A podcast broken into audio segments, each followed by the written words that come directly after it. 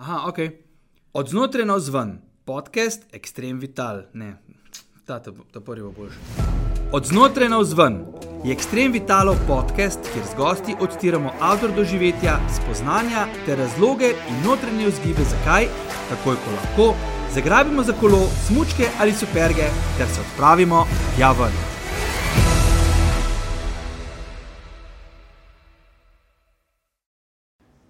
Torej, v podkastu od znotraj na zven je prišlo do dramatičnega trenutka. Dobili smo prvo pismo, ki je prišlo na naš naslov in sicer takole piše: uh, Sem Terezija iz Završnice in redno spremljam vaš podcast. Zelo mi je všeč. Pogledal sem vse epizode, moti pa me to, da notraj ni, ni deklet. Oziroma, premalo je punc. Prosim, če to uh, popravite, da vas lahko gledam še naprej. Lepa hvala, gospa Terezija. Uh, hvala vam za vaše sporočilo, uh, tudi ostali nam lahko pišete in nam poveste, kaj vam je všeč in kaj vas moti. Mi pa smo se odzvali na to pismo naše zveste gledalke in povabili v goste Špela Horvat. Špelo Horvat. Lepo zdrav, torej dekle, uh, da bodo pač tudi te ženske kvote izpoštovane, tako kot je treba. Lepo pozdravljena in dobrodošla. Uh, torej v tem našem podkastu se menimo se veš o outdooru, uh -huh. pa o tem, kaj nam to pomeni, pa zakaj se podajamo tja ven v naravo, pa na najrazličnejše načine, torej s kolesom, pa s mučkami, pa s supergami in tako naprej. Uh -huh. Tako da, uh, ful, hvala, da si vzela čas, da si prišla. In za začetek eno vprašanje, tale pocket rocket, ne? kako je prišlo do tega nadimka in ali je to ime, po katerem te pozna največ ljudi? V bistvu je zanimivo. No. Um, Do tega nadinka je prišlo v bistvu od moje nemške družbe. Jaz sem sicer ogromno v Nemčiji prisotna, uh -huh. zaradi svojega pač partnerja. In, um, tam pač Nemci so pač stereotipno visoki in res več, večinoma so res, pač Nemci so zelo visoki ljudje in jaz sem tam vedno bila kot en palček med njimi. Ampak vedno sem pa pač nekako imela vsaj kar se koles tiče, veliko poguma, oziroma so bili fanti vedno navdušeni nad, nad vsem tem, če sem, sem se lotila. In so rekli, ja, pač ti si pa res ena taka pocket rocket. Ne? In se mi je to takrat vedno več ljudi pač klicali po tem nadinku, in sem si mislila, da vse to pa mogoče. Pa je nekaj takega, kar bi meni pristajalo, tako da sem pač nekako na Instagramu spremenila, spremenila ta nadink in mislim, da ga imam zdaj že ene tri, štiri leta. In uh, moram reči, da, ja, da zdaj, kjerkoli se pač pojavim, me veliko ljudi, sploh tisti, ki me ne poznajo osebno, pokličejo po imenu, hej, kje si pocket rocket, sploh ne več po špilu. okay. A veš, kaj to me je v bistvu, to sem se sprašoval, a je možno, da te ta v bistvu nadimk nekako preraste? Mislim, ja. kot si rekla, že malce že odgovorili na to vprašanje, da, ne, da, da ljudje že v bistvu kar potem naslavljajo. Ja, mislim, jaz me, mene sicer to ne moti. Ne? Mm -hmm. Sicer zdaj uh, um, zadobivam, že, zadobivam že komentarje pod kakšne videe ali pa pod kakšne objave, ja, da bom mogla počasi nadgraditi ta nadimk v Flying Rocket ali v nekaj podobnega. Ne? Ampak uh, ne, zaenkrat mislim, večja kot sem, ne bom nikoli. Ne? In uh, mislim, da bom kar par pocket rocket ustala. No vse zadnje sem, imam v bistvu že svoj logo narejen, pa uh, pač celo, celostno grafično podobo, tako da ne bi šlo za tega spremenjati. Cool. Ej, se to me je zanimalo, v bistvu, uh, ti si se. Ali pa je to navaden, v bistvu, oziroma je to nek pogost pojav, oziroma ali je sploh še mogoče, brez tega, da si dejaven v, v tvojem svetu, torej v svetu spustov, skokov, poletov, že, ne, že lahko temu tako rečemo, glede na tvoj uh, video, nedavni video iz Črnuč. Uh, um, da, da v bistvu lahko funkcioniraš brez uh, nekega usporednega življenja na socialnih omrežjih? Mislim, da lahko funkcioniraš. Na... Lahko funkcioniraš brez socialnih omrežij, ampak samo v primeru, da recimo nimaš v tem športu nekih ambicij. Ali pa če, recimo, če delaš to za sebe, mislim, vsi delamo to za sebe, ampak če ti je pač res, recimo, da nimaš nekih sponzorjev, da nimaš uh, sodelovanj, pogodb zadnji, komu pač to delaš samo privat za sebe in pač noben za to ne ve. Ne? Jaz sem pač v tem športu že zadnjih deset let, ima več, dvanajst let. In um, nekako sem si vedno, pač ko sem začela kolesariti, sem vedno sanjala o tem, da ja, jaz bom enkrat profesionalna kolesarka. Um, in uh, nekako sem se že takrat, ko sem se to odločila, pač načrtno podala na to pot, pač, da, bom, uh, da bom enkrat postala profesionalna kolesarka. In žal pač v vseh teh letih se, se je pač trend trženja kakorkoli razvil v to smer, da pač brez socialnih omrežij ti danes profesionalen kolesar praktično ne moreš biti, ker tudi sponzorske pogodbe, ki se podpisujejo, um, zelo, zelo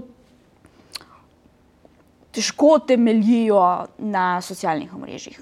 Dejansko pogodbe ti zapovedujejo, koliko recimo kontenta oziroma koliko objav moraš ti na mesec in kako koli proizvesti.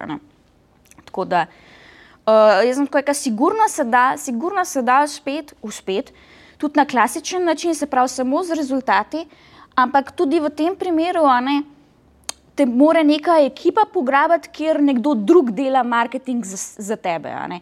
Če pa te ekipa ne pobere, boš pa pač, razen če boš ne vem, marketing menedžerja si najel, boš še vedno to mogel sam delati. Ampak brez tega, vsaj kar jaz vidim, brez tega pač danes žal ne gre. No.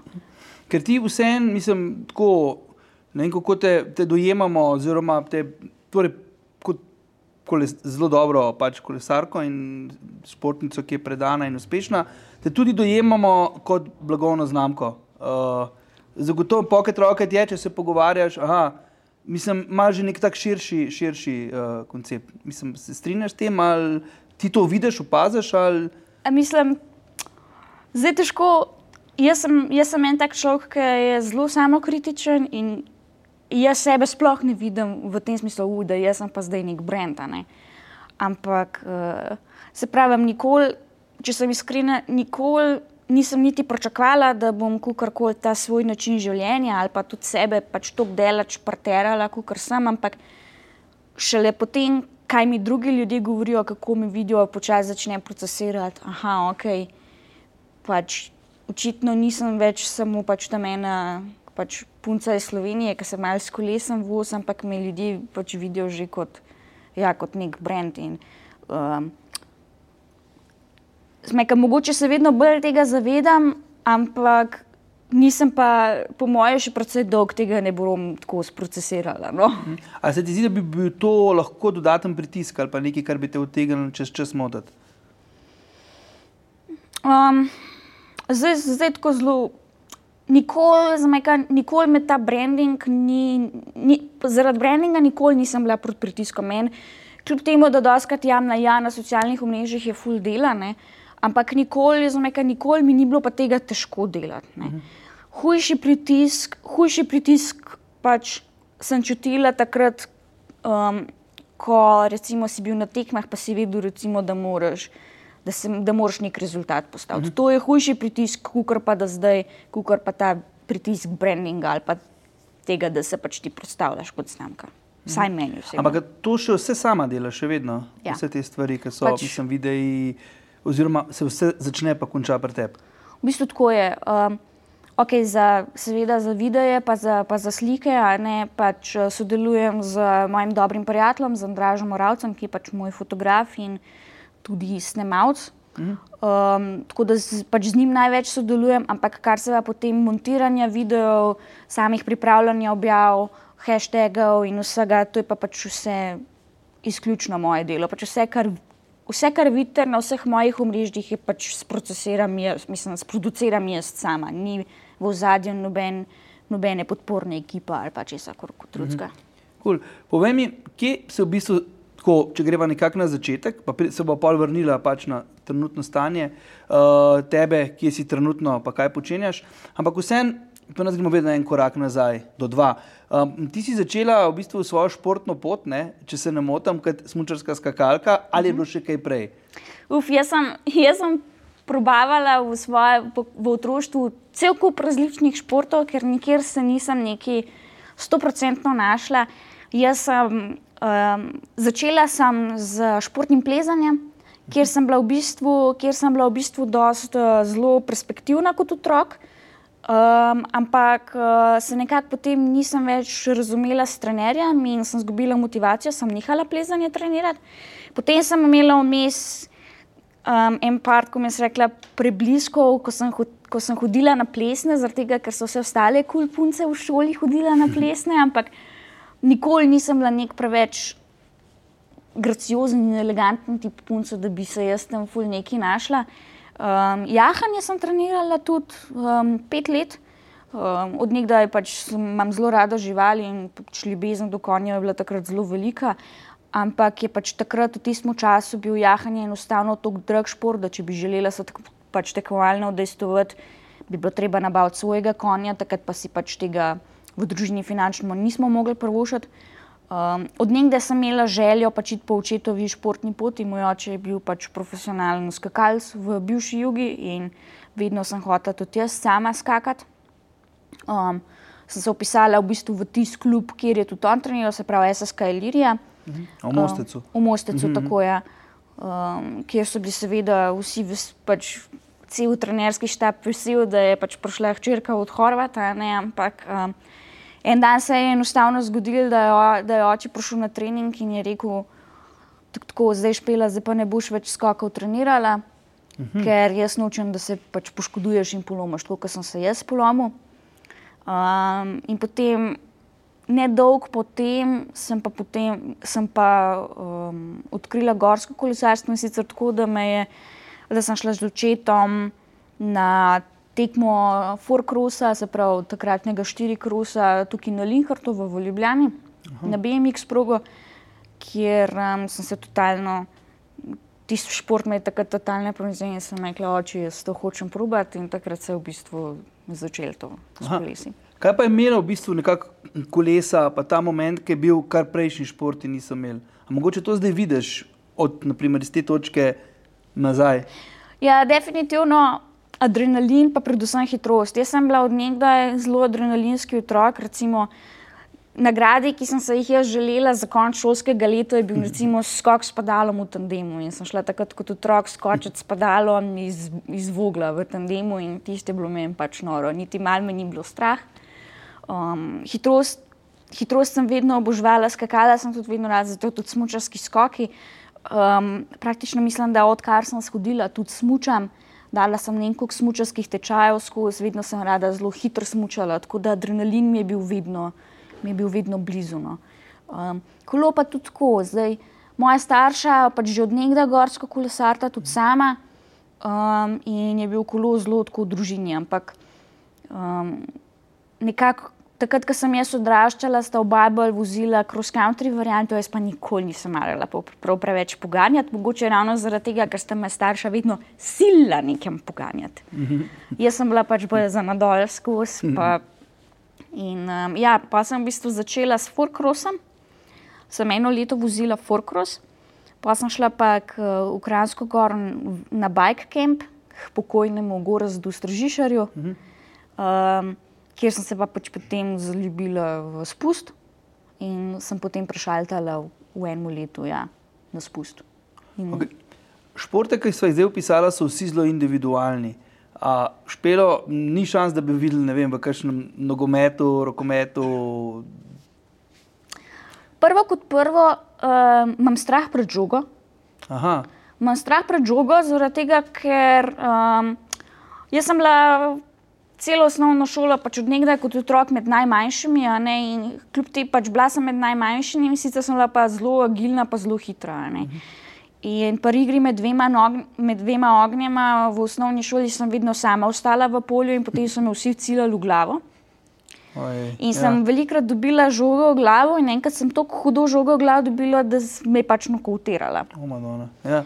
In pač takrat se bojim žoge, ne maram žoge, pa tudi, um, ne vem, vedno sem bila bolj individualen tip človeka, mogoče malo celo introvertiran.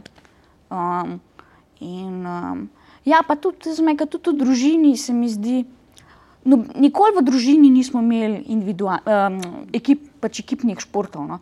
Cela moja družina, tudi če gledam potem po očetovi strani, oče je imel, oče je imel brata, ki je bil trener v smočarskih skokih, moj dedek je bil moj dedek je bil um, smočarski trener, moja v bistvu sestrična od mojega očeta je Mateja Svetne, se pravi, spet, uh, spet smočarija in individualni šport. Da očitno imam to tako malo tudi v genih. No. Mm -hmm. Ampak, če se vrnemo potem na začetek pač te tvoje eh, kolesarske oziroma bajkerske poti, uh, kaj je bil tisti trenutek, uh, ki je v bistvu nekako to preraslo iz nekega ljubiteljskega v neko bolj resno, torej da si začela strukturirano trenirati, da si začela hoditi na tekme. Kje je bil tisti moment, ko se je to zgodilo? V bistvu že od samega začetka, ker jaz nikoli se nisem ljub, prav ljubiteljsko s tem ukvarjala. Že tisti let, ko sem začela Forkros vazati, sem vedela, da hočem tekmovati. In jaz sem bila od nekdaj zelo tekmovalen človek in vedno sem hotel tako. V naši družini je, vedno, je bil šport vedno vrednota in pač športniki so bili nek ideal. Ne. In jaz sem rekel, jaz bom športnik, kot je bil moj oče in pač tako, kot so bili vsi pred njim. Uh mhm. -huh. In um, nikoli ni bilo, ni bilo vprašanje rekreativnega športa, sploh nekako na mizi. No. Uh -huh. uh, kako je pa v bistvu ta tvoja pot nekako potekala, kako so ti koraki, če bi nekako pogledala menike na tej poti, ki si jih ti v bistvu dosegala. Prej sem se pogovarjala, se je rekel, da zadnjih deset let je bila to v bistvu kar zanimiva pot, ki te je peljala od uh, tekem pač nižjega lokalnega do najvišjega ranga. Kaj je bilo tisto, kar se ti nekako najbolj dotaknilo uh, na tej poti, kaj ti je največ pomenilo, oziroma ali pa kakšna stvar, ki ti pa mogoče tudi ni bila tako kul. Cool? Pač gremo najprej z lepimi začeti.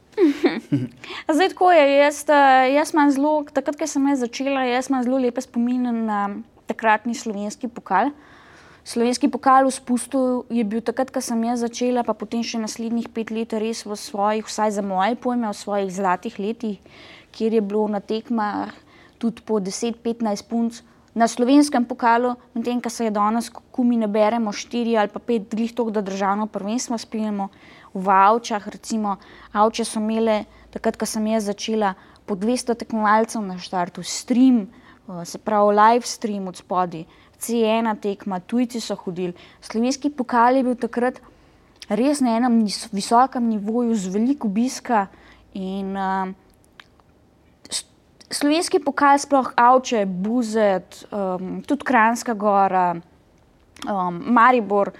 Um, moram reči, to so bile res kljub temu pač lokalne tekme, ampak na zelo visokem nivoju. Pojale, kar me žalosti, da je pač ta spust v zadnjih, parih, v zadnjih štirih letih res zgublja na popularnosti in da je tekmovalcev vedno in vedno manj. Ne? In posledično tudi ta pokal um, pač gre navzdol. Mislim, tudi kar se tiče uh, kvalitete prog, tehnične zahtevnosti prog.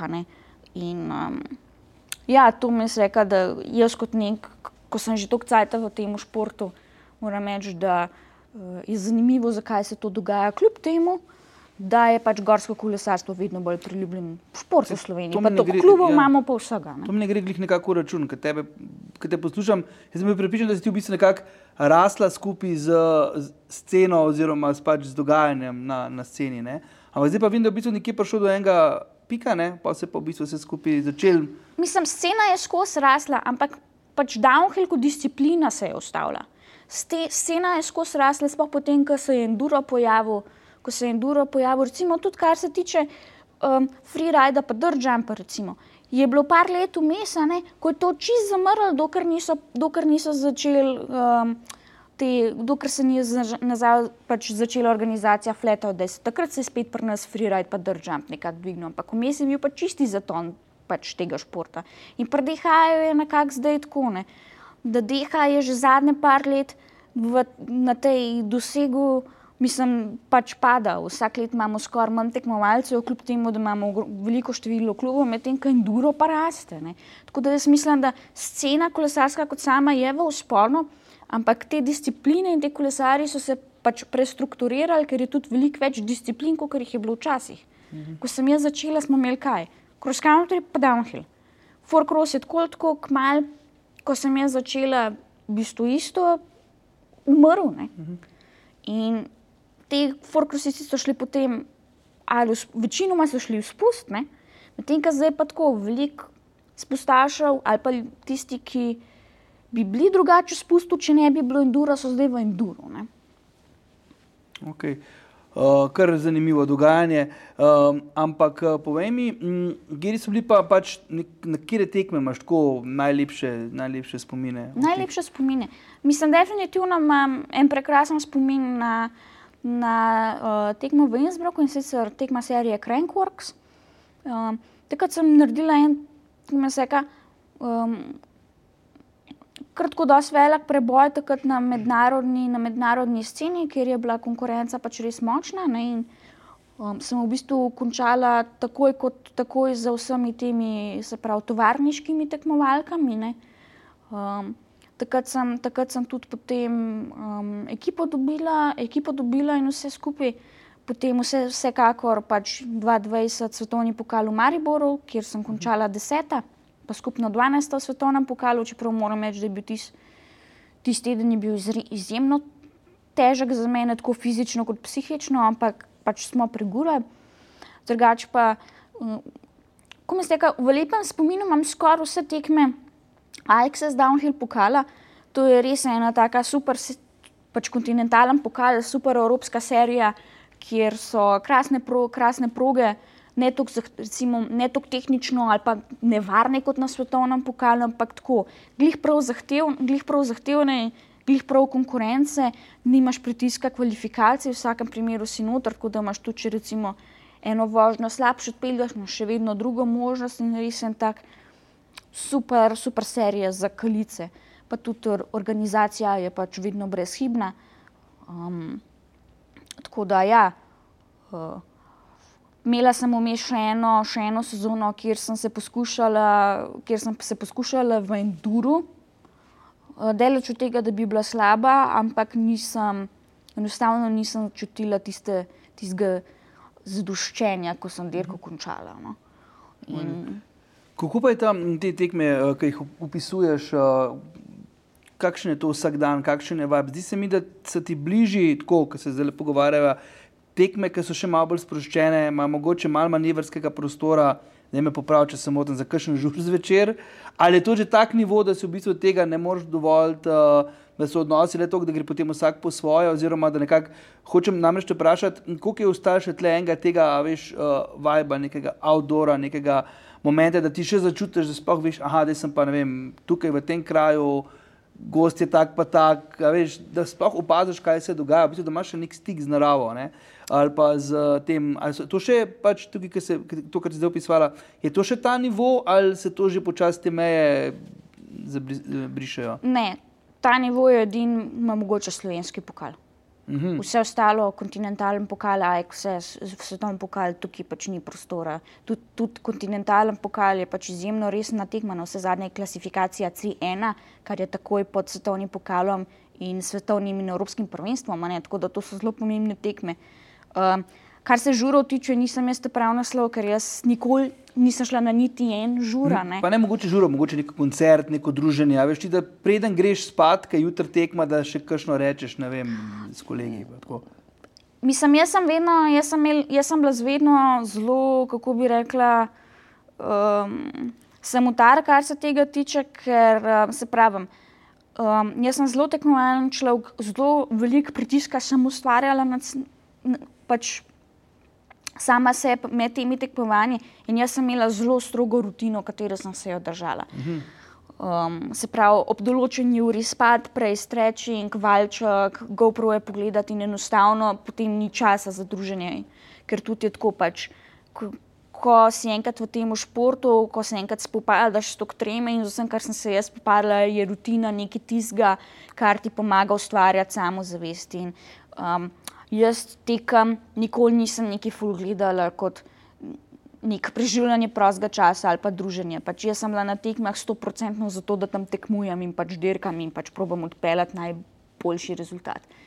Freeride ima ta vibe, se pravi, mm -hmm. Flatov, da je podobni festivali, tudi Crankworks, ima pa potem ta vibe, kjer se ti z ljudmi še malo podružiš, kjer greš mogoče zvečer še kaj spiti, ampak downhill, kontinentalen, svetovni pokal, um, pa pač ni tega. Mislim, seveda so pa kakšne privatne žurke v kakšnih teh pitih, ki jih rajdeni, ampak vsaj kar se mene tiče, jaz nisem bila nikoli del tega, ker sem pač vedno to imala 100% profesionalno.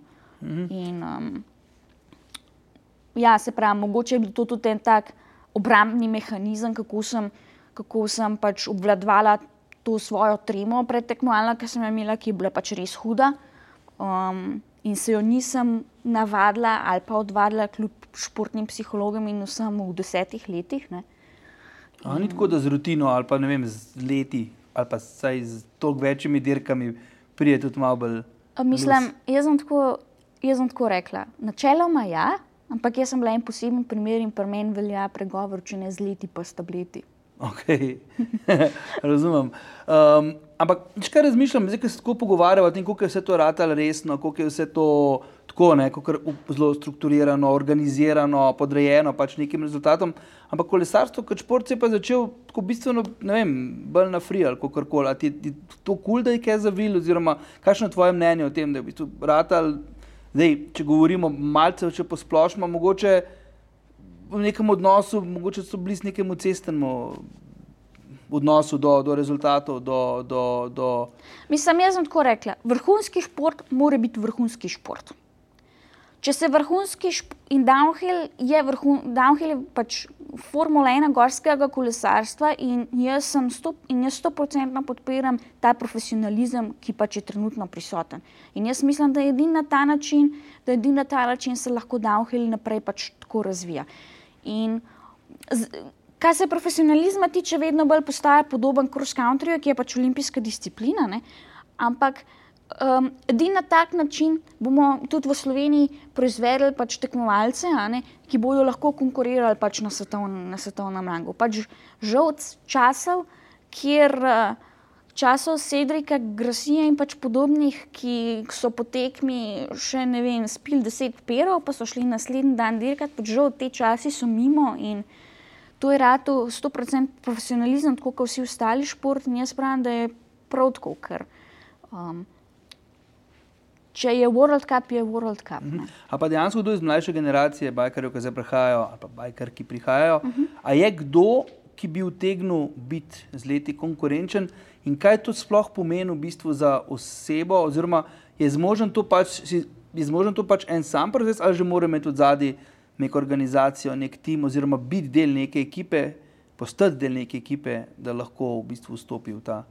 Jaz, zdaj, jaz sem tako rekla, z ekipo je definitivno lažje, ampak še vedno imamo, še vedno imamo ful primerov um, pač privatirjev in pa samoukov, ki so pač samo s svojim trdim delom pač prišli recimo, do nečesa, ker vedno je tako. Um, Nadobudnih mladih talentov je veliko, ampak mogoče ekipe pa ne vem, recimo deset in vsaka ekipa pobere pač samo deset od vseh teh petstotih otrok, ki zdaj pač kar prihajajo. Se pravi, morajo ostali pač sami na tem neki nares, da pač bojo prepoznavni, da jih bojo ekipe opazile in pač, pač vzele. Ja, um, zdaj, jaz tukaj pravim, kar sploh kar se otrok tiče, pač žal je podpora družine zelo pomembna, ne? ker pač če tukaj podpore družine ni, se zelo težko pride na vrhunsko raven.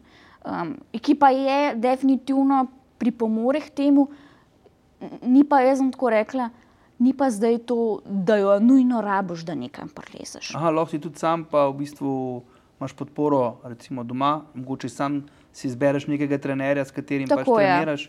Seveda se to povezam potem še s finančno pač bazo tvojo, ampak se pravim, v vsak šport je treba vlagati. Je to smučanje, je to nogomet, je to vem, kajak, plezanje, brez denarja, nikjer pač ne gre. Ne. Mhm. Je pa res, da je kolesarstvo pač um, en izmed dražjih športov. Ne. Ja. Održal. Tle ti bom verjel no, na besedo. Povej mi, um, zdaj, rekla si, da si stremo nikoli nisi, mislim, da ne, ker si rekla z leti, pa s tableti. Pa, če gremo lahko malo v to smer, jaz sem pač v enem intervjuju uh, prebral, da si imela leto, oziroma dve leti nazaj, uh, da je bilo zelo težko psihično, oziroma da za te ni bilo glih najlažje. Uh, kaj se je zgodilo, oziroma zakaj je šlo? V bistvu lansko leto sem imela, sem imela najtežjo sezono do zdaj, um, se pravi 2021. Vse je bilo nekako povezano s tem, da sem pač v konec sezone 2020, ne, dosegla pač svoj najboljši rezultat na svetovnem pokalu in s tem je prišlo en kup novih sponzorskih pogodb. Um, in takrat sem jaz začutila en tako ogromen pritisk na svojih plečih, da zdaj moram pa jaz to dodelati in pokazati sponzorjem, da pač je vredno sponzorirati nekoga tacka kot sem jaz. Ne. Hkrati je pa potem zaradi korone in zaradi vsega um, uprema s katero naj bi tekmovala, se pravi kolesa in vse skupaj je zelo zamujal. In um, sem enostavno cel off-season, se pravi celo zimsko sezono, kjer bi mogla se v bistvu navajati na nov kolo in trenirati, um, sem preživela na rent kolesih in mi je izostalen kup tehničnega treninga. Potem sem pač probala neki nasilo nadoknaditi um, na hiter. Sem imela še eno poškodbo, sem si zlomila pač dlančnico um, in um, je bil tako en mesec še mem. Pa so se pa v bistvu, pa se pa glavna sezona začela in jaz sem probala v bistvu nasilo, nasilo pač priti do neke hitrosti, ki pač trenutno ni bila tam, ampak imela sem pa pogum, da pač sem spuščala. Um, Veliko sem imela hudih pacov, en kup kroničnih poškodb se mi je nabral, od natrganih mišic do, um, do, parih, do dveh pretresov možganov, in vse se mi nekako pol nabral na svetovnem prvenstvu v Valdi Sole, um, kjer je bila potem še strašno zahtevna proga. Jaz fizično tam nisem bila stoprocentna, bolela me je rama, še palc sem si spahnila, tako da sem vozila takrat treninge na 1000 mg ibuprofena. Hm. Brez tega sploh nisem bila sposobna iti na kolo.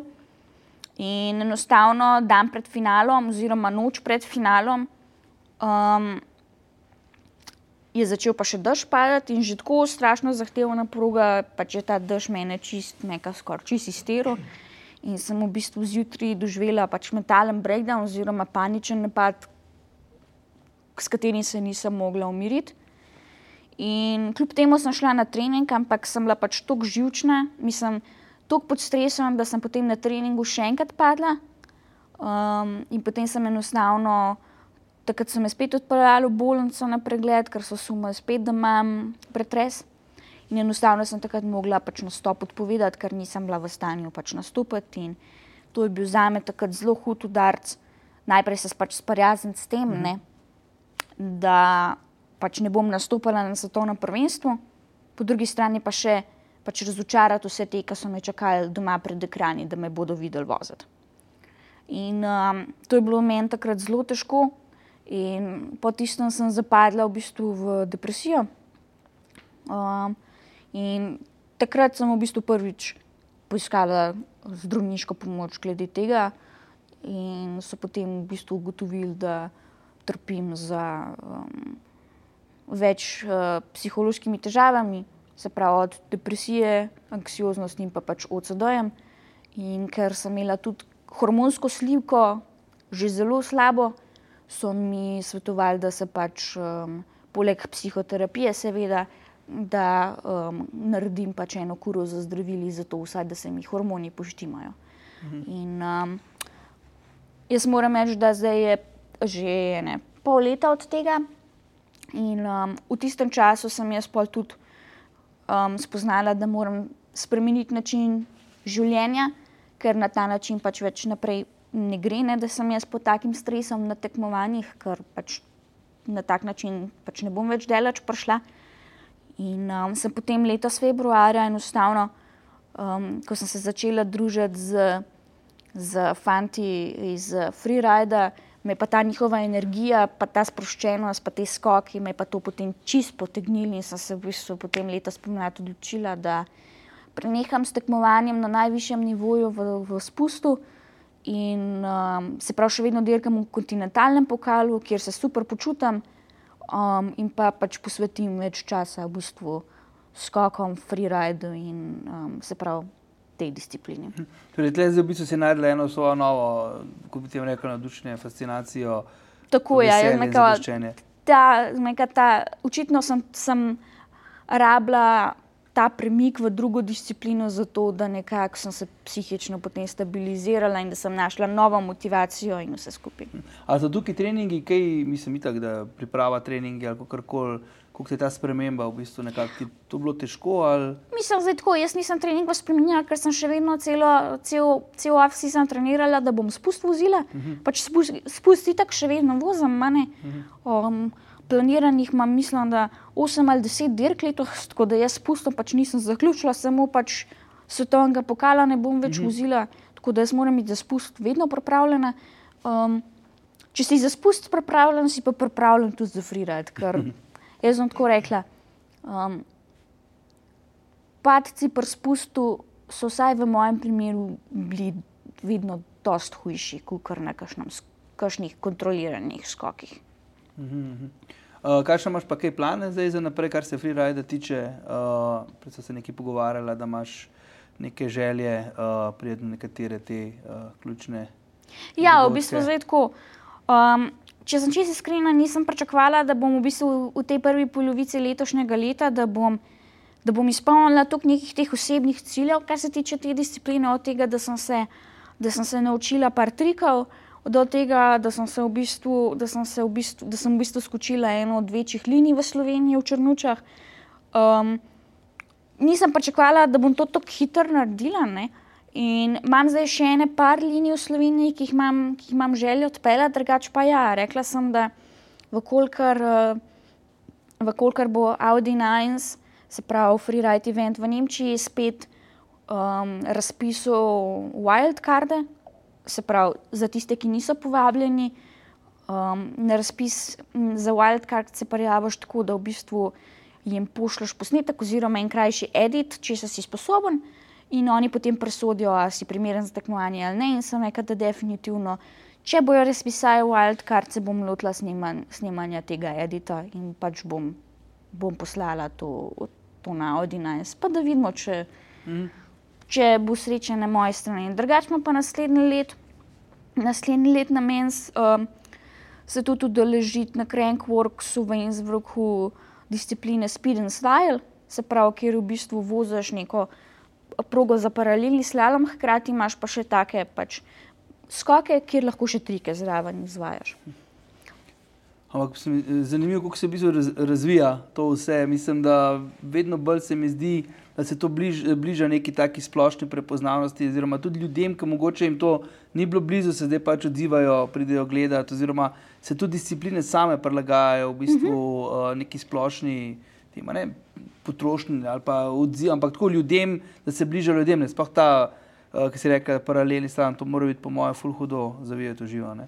Ja, um, speed and style je zelo priljubljena disciplina. Sploh zaradi tega, ker lahko, ker lahko voz lahko vozijo radarji iz različnih disciplin. Mhm. Medtem, kar recimo za slope style, moraš res že kombinacijo trikov obvladati, da se lahko praviš, medtem, kar za speed style pa lahko prehajaš ali iz downhill ali iz kjer druge discipline, pa obvladaš tistih par malih trikov, glih tok, da pač je za točke. Mhm. Um, tako da, pa ja, pa potem kakšni, kakšni whip-offi, se pravi. Um, na teh večjih skokih, to imam tudi, tudi nekako željo in v načrtu. Pa za nekaj skupaj. Um, mogoče, mogoče uh, če bojo fanti požignali, čez kakšne dve, tri leta, da bi šla probat, uh, se pravi, fletov, da izvoziti mhm. ta veliko. Vsaj kakšen skok, ne cel, ampak vsaj kakšnega. Če se pa to odvisno? Ja, tudi predvsem od mentalne priprave, ker tam je pa tako, ne, ko pa ti enkrat letiš po zraku 20-23 metrov, je pa tako iz tiste višine, če gre kaj narobe, si pa potem lahko vsi od odkorakaš stran. Mhm. Mož bi pa res mentalno na visokem nivoju, da se kitajska spravaš, pa res moraš biti v svoje skile, je pač prepričan v svoje znanje in um, pač fantje, ki imajo ful več izkušenj, kot jaz, pa kot tretja oseba, ne tudi vidijo ne vem, koliko si napredoval, na kateri stopni si, um, znajo včasih tudi boljš kot ti sam, predvsem, če si sposoben in če se ne. V bistvu svetujejo, pa dajo, ja. v bistvu, da usmerijo. Ampak tle v bistvu za take zadeve, kot si mi prej rekla, ne, da se moraš ta dogodek v Nemčiji prijaviti. Uh, ti pa v bistvu, če se vrnemo malo na začetek, pa v bistvu tudi verjetno socialni mediji oziroma to vrstno dejstvovanje pa lahko prav pride. Ali samo tam? Mislim, glede na to, da je Audi, da je Audi Nice izključno medijski event, se pravi, na Audi Nice ni gledalcev. Audi Nice naredijo, tako, pač naredijo par skokov oziroma linije skokov v enem kamnolomu, kjer povabijo pač medijske ekipe in povabljene, tako, pač povabljene rajderje in je v bistvu namenjen samo v produciranju medijskega, se pravi, kontenta, materijala. Mm. Um, in definitivno ti pomaga, če imaš tudi neko sledilno bazo, recimo na Instagramu ali pa YouTubu ali pa TikToku, kjerkoli, ne, uh, kukar, č, pač čez, če nimaš nič. Ne. Ker imaš tudi, pač tudi oni, če pripeljejo enega, ki ima tok in tok, tok in tok, ne vem, tako publiko, on mm -hmm. tudi njim pomaga pač si dodatno publiko, da imajo potem hkrati še oni. Ne. Da mora biti pa ta nekdo sposoben pač zadostiti pogojem tam. Ne. Tako je. Ja. Se pravi, fajn je, fajn je, se pravi, če si če lahko tisto, kar tam postavijo, odpeleš in nekaj pokažeš, um, pa je pa super, če imaš zraven še dobra socialna mreža, pa pač mm -hmm. publiko v ozadju. Mm -hmm. Povej mi, ka, m, če bi odmislila uh, za vse te uh, tekmovanja, pa vožnje, pa skoke, pa plane, pa tako naprej. Kaj je tvoj v bistvu, če se podaš v naravo, če je čas za to, da greš čisto solo, fura tako, kaj je tvoj idealen dan na biciklu? Mislim, večinoma, večinoma vozim tako. A ja, ok, ja. Cool. kako pa to zgleda? Ja, noč, uh, ko končam z delom, uh, pogledam, pogledam kakšno je vreme, grem po, se odločim, na kjer kolo bom šla, ker jih imam več. Zadnje čase sem veliko na električnem kolesu, ker lahko v eni uri naredim ful velik spustov. Aha, a pa to električno kolo, ne? Mar si kdo na to gleda, mogoče malo bolj po stran. Ja. Imaš kakšen kontraargument? Mislim, jaz nimam popolnoma nič proti električnim kolesom. Vsak kolo v moji kolekciji ima svoj namen in električno kolo definitivno ne zamenja navadnega kolesa. Ampak recimo, um, končaš, končaš z delom, um, mogoče si malo utrujen od treninga, od prejšnjega dne ali pa od fitnesa, od česar koli, kar si imel, ampak bi pa vseeno šel mal na trajle. Ker jaz, jaz, neka, jaz zakaj sem jaz vedno gor poganjala? Samo zato, da sem se potem lahko po dobrem trailu dol spustila. Mm. In če se lahko po tem dobrem trailu še ene trikrat spustiš, brez, brez da bi se še enkrat ful na gor matro, ne, je pa to je zmagovalna kombinacija. Mm. In jaz sem potem sposobna tako le v eni uri, ne vem, tam le pri nas na črnučah nares štir, štir spusta na hiter in grem potem vsa nasmejana, nasmejana domov. Drugač pa obožujem tudi um, hoditi na ture, um, svojim, svojim očetom, on vedno najde potem kakšne take nekomercialne trele, pa, kjer se pač ne pele glih vsak, ne, ali pa ne ve za njih glih vsak. In uh, potem furanje res tega old school mountain bikea po singlicah, kjer, kjer ni nič zgrajen, nič nagrabljen, nič spucan, je pač svoj vrstni užitek. Pa kakšne potem um, obisk kakšnih teh visokogorskih enduro parkov ali črvinjo pod Matrhornom ali pa kaj takega. Takrat pol res vidiš, kako majhni smo mi napram, napram naravi in da smo v bistvu samo ena mravelca v tem v temu velikem svetu in da takrat se šele zaviš, da tisti tist moj nastop, tisti moj odpoveden nastop na svetovnem prvenstvu za univerzum, pa za to naravo ne pomeni popolnoma nič. Ne. Pomeni samo za me in takrat se zaviš, svoje minljivosti, da vse, kar počneš v svojem življenju, je v bistvu za sam univerzum nepomembno in da si ti samo en del tega življenjskega kroga. In pač zelo kratek čas smo na tem svetu in je takrat pač najbolj, da ga izkoristimo tako, kot si sami najbolj želimo, pa pač da smo srečni. Ker bomo enkrat na koncu, nikoli se ne bomo, nikoli pač. Eh, vedno se bomo sprašvali, kaj vsega nismo v življenju naredili, kot pa tisto, kar smo. Ok, Špela, hvala za te besede. Mislim, da so to najbolj primerne. Eh, najbolj primerna misel, da lahko vzamemo sabo in pa odnesemo tako vsak dan življenje, kot na kakšno bike tour, na katero se podamo. Tako da uh, hvala ti za tvoj čas, za vse tvoje, uh, ja, nekatere tudi kar precej izpovedne misli, pa spoznanja in pa dognanja, da si bila odkrita. Uh, tako da želim ti veliko sreče, no? vsem naprej, v vseh skokih, po poletih, ki jih boš zdaj imela, pa da se v bistvu izpolni tisto, kar si si zadala. Uh, tako je bila še ena krasna epizoda, se mi zdi, bi rekel, uh, tega našega podcasta znotraj na vzven uh, in biti le kar končal. No? Tako da spremljite nas še naprej, gledajte nas, uh, mi se bomo trudili, da dobimo take krasne sogovornike in pa uh, da probamo priti do dna enkrat uh, vprašanju kaj je tisto v outdooru, kar nas tako zelo privlači.